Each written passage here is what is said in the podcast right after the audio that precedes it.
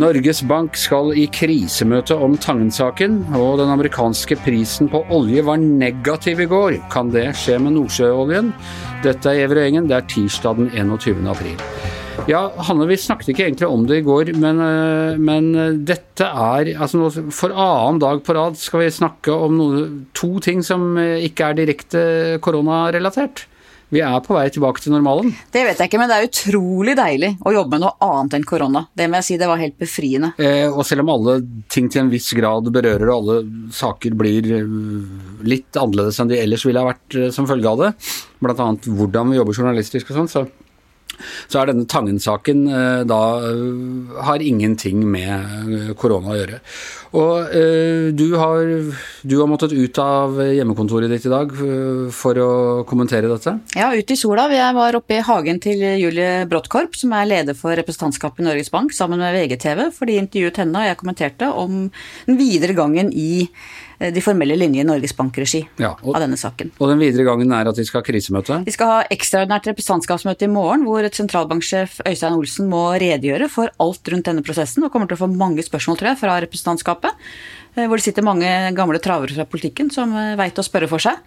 Og så, avhengig av hva som kommer ut av det, det kommer en protokoll som da på et tidspunkt ganske kjapt vil bli offentliggjort. Og så, hvis det er uklarheter fortsatt, så vil det bli et nytt møte i hovedstyret til Norges Bank. Eller da vil det bli behandlet på hovedstyrets møte i juni. Men har Tangen egentlig gjort noe galt her? Det er lov å prøve å smøre folk, eller uh, arrangere seminarer og, og, spandere og snakke med folk og sende e-poster og nevne seg selv som en mulig kandidat. Ingenting av det ja, kan virke litt vel freidig, men, men, ingenting av de tingene er forbudt. Ja, det er vel få som har påstått at han har prøvd å smøre folk òg. Men det er klart at hvis det, er, hvis det hefter noe feil med den prosessen, som må være helt strengt formell, så er det klart at da må man gå inn i det. Og det er det representantskapet nå skal gjøre, se om det er ting som har skjedd her underveis. Ja, de skal se om, om det har skjedd noe feil på, fra Norges Banks side eller eventuelt norske myndigheters side. Da. Ja, ikke bare det, men f.eks. det at det, det, kom aldri en offentliggjort eh, søkeliste nummer to, som det skal komme i henhold til offentlighetsloven. Det viser seg at eh, Tangen kjenner han ene i rekrutteringsbyrået. Hvis det er, nært, hvis det er en nær relasjon, så er det eh, trøbbel med prosessen. Ikke nødvendigvis med Tangen, men med prosessen. For du kan ikke ha et rekrutteringsfirma som rekrutterer en som en av de rekruttererne kjenner. Det blir feil. Så det er en del sånne ting man må få avklart. Og hvem spilte inn navnet hans? Han var jo aldri inne på noen søkeliste. Hvordan kom det navnet inn? Altså det er en del sånne ting som man må få svar på. Men er det ikke sånn at de kjenner hverandre absolutt hele gjengen her? De har gått i speideren sammen og, og i militæret sammen, og de er en eneste stor uh, gjeng, guttegjeng fra Oslo vest, er det ikke det? Ja, han er fra Kristiansand, Tangen da, eller fra Sørlandet. Men det er klart, en del av, en del av den gjengen som har vært på tur sammen, er jo, kjenner hverandre fra russiskkurset til Forsvaret, så de er sånn gamle soldatbrødre. Og da veit vi jo fra alle sammenhenger at sånne soldatbrødre, det er sterke bånd. Eh, men hva, hva, tror du om dette? Altså, er det, er det en det er jo en pikant sak, selvfølgelig, og, og, den gir oss et innblikk i uh, verden de færreste av oss kjenner til. Og som du skriver i dag, så, så er det også en interessant kulturkrasj mellom liksom, det litt trauste norsk offentlighet og sånn uh, nyrik hedgefond. men, men Eh, vil det få reelle følger? Vil det, koste, vil det kunne koste Tangen jobben, tror du? Det er for tidlig å si, og det jeg tenker at du har snakket for lite om, er f.eks. hva betyr det at vi får en, en uh, sjef for oljefondet som forvalter hele vår formue, som har mye av sin vennskapskrets blant andre fondsforvaltere i Londons finansmiljø, f.eks. Yngve Slygstad har hatt veldig strenge regler på at han kan ikke snakke med noen om noe av sånne ting. Eh, er det et problem, eller er det ikke et problem at vi da får en eh, oljefondsjef som har det som sin nærmeste krets, f.eks.? Hva betyr det? Det at han fortsatt har investert midlene sine, riktignok i en stiftelse, men har det i utlandet. Noen har vel, i hvert fall overfor meg, lufta tanken at kanskje han burde flagge alle, hele formuen sin eh, hjem til Norge, norsk eiendom og norske aksjer, fordi at det er det eneste stedet i verden hvor oljefondet ikke investerer. Så da vil han unngå all konflikt of interest. Og det er en del sånne ting som jeg tenker også bør diskuteres framover. Samtidig så viser jo denne saken at det er en del konflikt of interest i, i, Norge også? Absolutt. Det er et morsomt innblikk, og det er det som jeg syns er gøy med VGs gøy. Det som er interessant da med VGs avsløring, er jo nettopp at det er nyttig for alle å vite hvem kjenner hvem i norsk maktelite. Og hvem vanker sammen? Dette med at alle nå skal betale og antagelig føre på med at alt kommer opp på selvangivelser eh, og sånne ting, er det en innrømmelse av å ha gjort noe galt? Det er i hvert fall sånn at Særlig hvis du er i offentlige stillinger og en del andre ansvarsfulle stillinger òg, så skal du være veldig påpasselig med at du betaler, eller institusjonen din betaler reise og opphold på den type ting. Vi har jo i VG veldig strenge regler. Jeg sier jo alltid nei til dere hvis dere har lyst til noe, eller jeg sier nei til meg sjøl hvis jeg blir invitert på noe, hvis ikke vi sjøl kan betale for vi mener at det er nyttig for VG.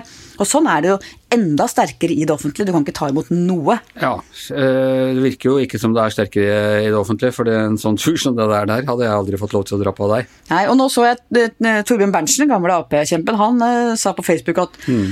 skal liksom skattebetalere, da? Hva er de som får regninga for denne turen her? Det er klart, Der ligger det også et element som er interessant, da. Ja, ja, ja nei, vi kan ikke la han milliardæren betale for dette, det må, det må fellesskapet ta. Ja, nei, eh, interessant. En, en uh, sak som utvikler seg fra, fra dag til dag og, og minutt. Det, var jo for så vidt interessant, denne e-posten som Eh, det Dagens Næringsliv avslørte, som Tangen da etterpå hadde sendt til Slyngstad, men som Slyngstad ikke svarte på. Der, eh, der har han jo dukka godt unna kula, han eh, Slyngstad. Ja, akkurat der har han dukka godt unna kula. Ok, vi får se hvordan det går videre, men vi skal snakke litt mer om olje. I går så var prisen på amerikansk olje negativ. Eh, 40 dollar negativ eller noe. Hva betyr det, Per Olav? Betyr det at du fikk betalt for å ta imot amerikansk olje? Ja, det er jo sånne kontrakter da, som man skriver eh, hvor det var rett og slett ingen avsetning. Altså Det viser jo bare et, et marked som er fullstendig i ubalanse. Eh, hvor eh, det er eh, en, Vi har sett at en tredjedel av etterspørselen etter olje sånn på det globale markedet er jo borte. Og så ser vi samtidig at de globale oljelagrene fylles opp. Og da, ikke, er, da, da synker prisene. Eh, eh, men er det, er det, et forbigående fenomen fordi man har, eh, fordi man har så fulle lagre som fører til det, eller er dette en varig utvikling? Kan dette skje med nordsjøolje f.eks., at, at vi plutselig kommer i, i, negativ? Ja, altså jeg tror det som utløste det akkurat rent konkret i går, var det at det er noen sånne store oljelagre Eh, i Oklahoma. og Det gikk da meldinger om at de lagrene var nesten fulle. Så dette var amerikansk skiferolje som da var um, først og fremst ble rammet av dette her. Um, men nordsjøoljen har jo også falt. Vi har jo sett at i dag, i dag så har jo nordsjøolje blitt omsatt for um, 18, litt over 18 dollar fatet. Det er jo det laveste siden 2002. 18 år siden. Det var, det var i etterkant av 11.9. i USA og 2001. Da var, um, da var, det også et veldig kraftig oljeprisfall. Men um, og det har så vidt krabbet over 20 dollar igjen nå, da. Men det er jo utrolig lavt, lavt pris også på nordsjøolje i dag. På års, ved årsskiftet så var prisen på olje fra Nordsjøen 68 dollar fatet. Og så tok regjeringen litt forsiktig inn når de skulle lage statsbudsjett, og så sa de at uh, vi forventer at den blir 52 dollar. Nå er den altså 30 dollar lavere enn det. Det har jo store konsekvenser for uh, oss, for statens inntekter, for viktige norske næringer. Hva, hva, gjør, eh, hva gjør, regjeringen med dette, Hanne? Har de jo også brukt ganske godt av bankkontoen, altså?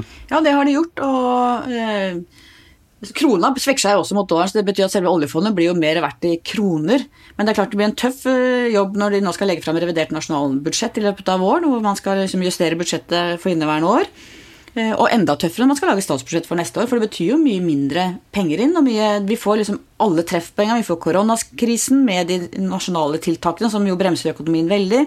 Vi får de internasjonale følgene av at alle land stenger ned. Og så får vi på toppen av det hele et dramatisk oljeprisfall som rammer bare oss. Og det blir mye trangere samtidig som vi skal begynne å bygge opp etter koronakrisen. Så dette blir veldig, veldig krevende.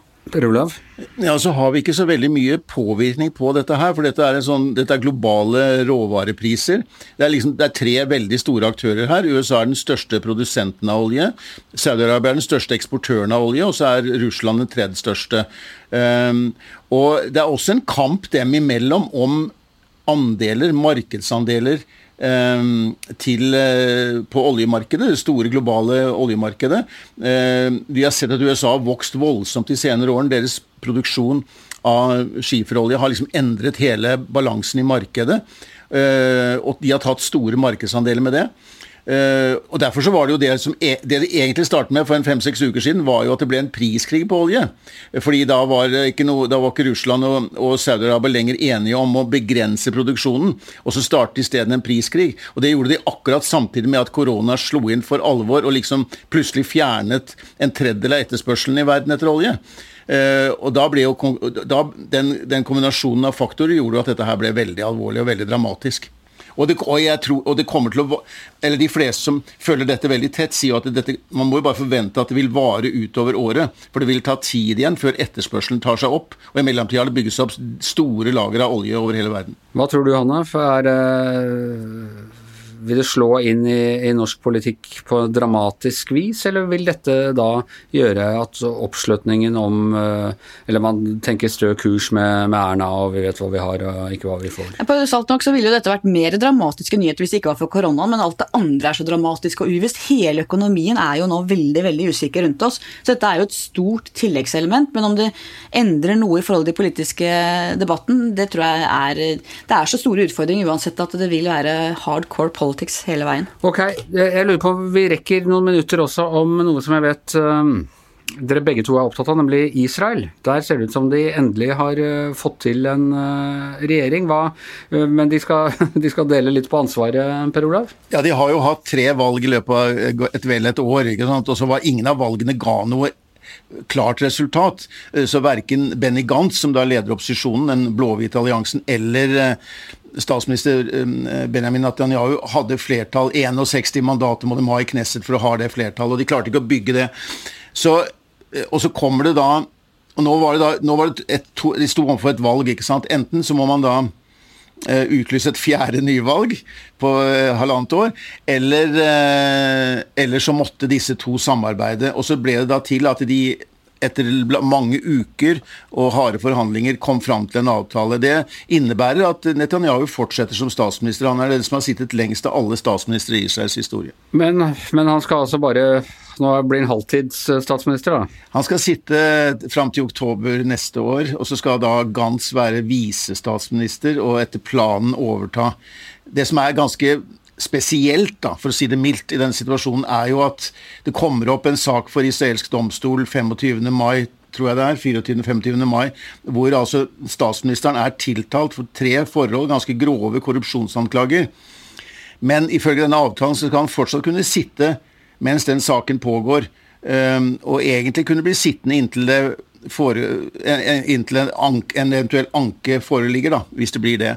Um, så Litt som hans gode venn Donald Trump, så satt jo under en riksrettssak eh, nylig. De to gutta ligner jo litt på hverandre òg, ja. i form og Men rent parlamentarisk, han er ganske eh, Er det litt som liksom eh, Arbeiderpartiet og Høyre skulle ha slått seg sammen og, og tatt statsministerjobben litt på omgang? Litt sånn som VG egentlig alltid har ivret for, mer samarbeid mellom de to store partiene? Ja, bortsett her er jo motsetningen mellom de to enda mye dypere, og det er enda mye mer polarisert. Nesten, altså i Israel? I Israel, ikke, ja. ikke sant? Ja, ja. For Høyre og Arbeiderpartiet står tross alt ganske nær hverandre. Kanskje man heller kan sammenligne med om eh, SV og Frp. Hva tenker du, Per Ola? Er vi mer der? Ja, det er faktisk det, og de henter jo inn folk. Altså, Det som skjer med denne regjeringen, er jo at den på en måte blir noe mer sentrumsorientert enn den regjeringen de har hatt før, hvor, de har, hvor altså Netanyahu har basert seg mye på støtte fra ultraortodokse og, og, ganske ytterliggående nasjonalister. da. Så Sånn sett så blir på en måte det blir en noe mer, mer sentrumsorientert regjering. Ehm, men uh, det er ikke noen gode nyheter f.eks. For, for palestinerne i dette. Og de, noe, de, ikke noe, de, har jo ikke noe respekt for hverandre i den forstand som på en måte du vil si at Høyre, Erna Solberg og Jonas Gahr Støre respekterer hverandre. Her er det langt mer giftig og polarisert mellom de to. Ja, og nå blir på en måte kampen altså den kampen som har vært mellom de nå i, i egentlig et par år, da, eh, den vil jo da foregå innenfor regjeringen. Og det er jo veldig mange som er usikre på om denne regjeringen faktisk vil bli sittende i tre år. At det vil kunne fungere, at de vil klare å samarbeide i tre år. Eh, det er høyst, høyst usikkert. Men det som, det som mange følger med, er jo selvfølgelig etter at Donald Trump la fram denne fredsplanen sin for Midtøsten i januar, så har på en måte eh, Israel fått grønt lys for å annektere ganske store områder på Vestbredden. Og det, det Netanyahu vil gjerne gjøre det i hvert før det amerikanske presidentvalget i november. Og det er det palestinerne kaller det rett og slett en annekteringsregjering, gjør det ikke? Jo, det gjør det, fordi Gans, også, Gans har også sagt at han kan være med på det, men han vil ha en bred internasjonal avtale med bred internasjonal støtte, hvis det skal skje. Ehm, men eh, der har de ikke kommet helt i mål, men det skal de da bestemme seg for i juli, visstnok. Nei, det er relativt eh, små problemer vi har å stelle med her i Norge, tross alt. Selv om eh, enkelte av myndighetene driver og drar på godt subsidierte stingkonserter i Philadelphia. Uh, Gjever og gjengen er over for i dag. I hvert sitt studie, hjemmestudio Hanne Skartvedt, Per Olav Ødegaard og uh, Anders Giæver. Og sjefen for VGs podkastfond sitter et eller annet sted ute i cyberspace og syr det hele sammen og heter Magne Antonsen. Vi høres igjen i morgen.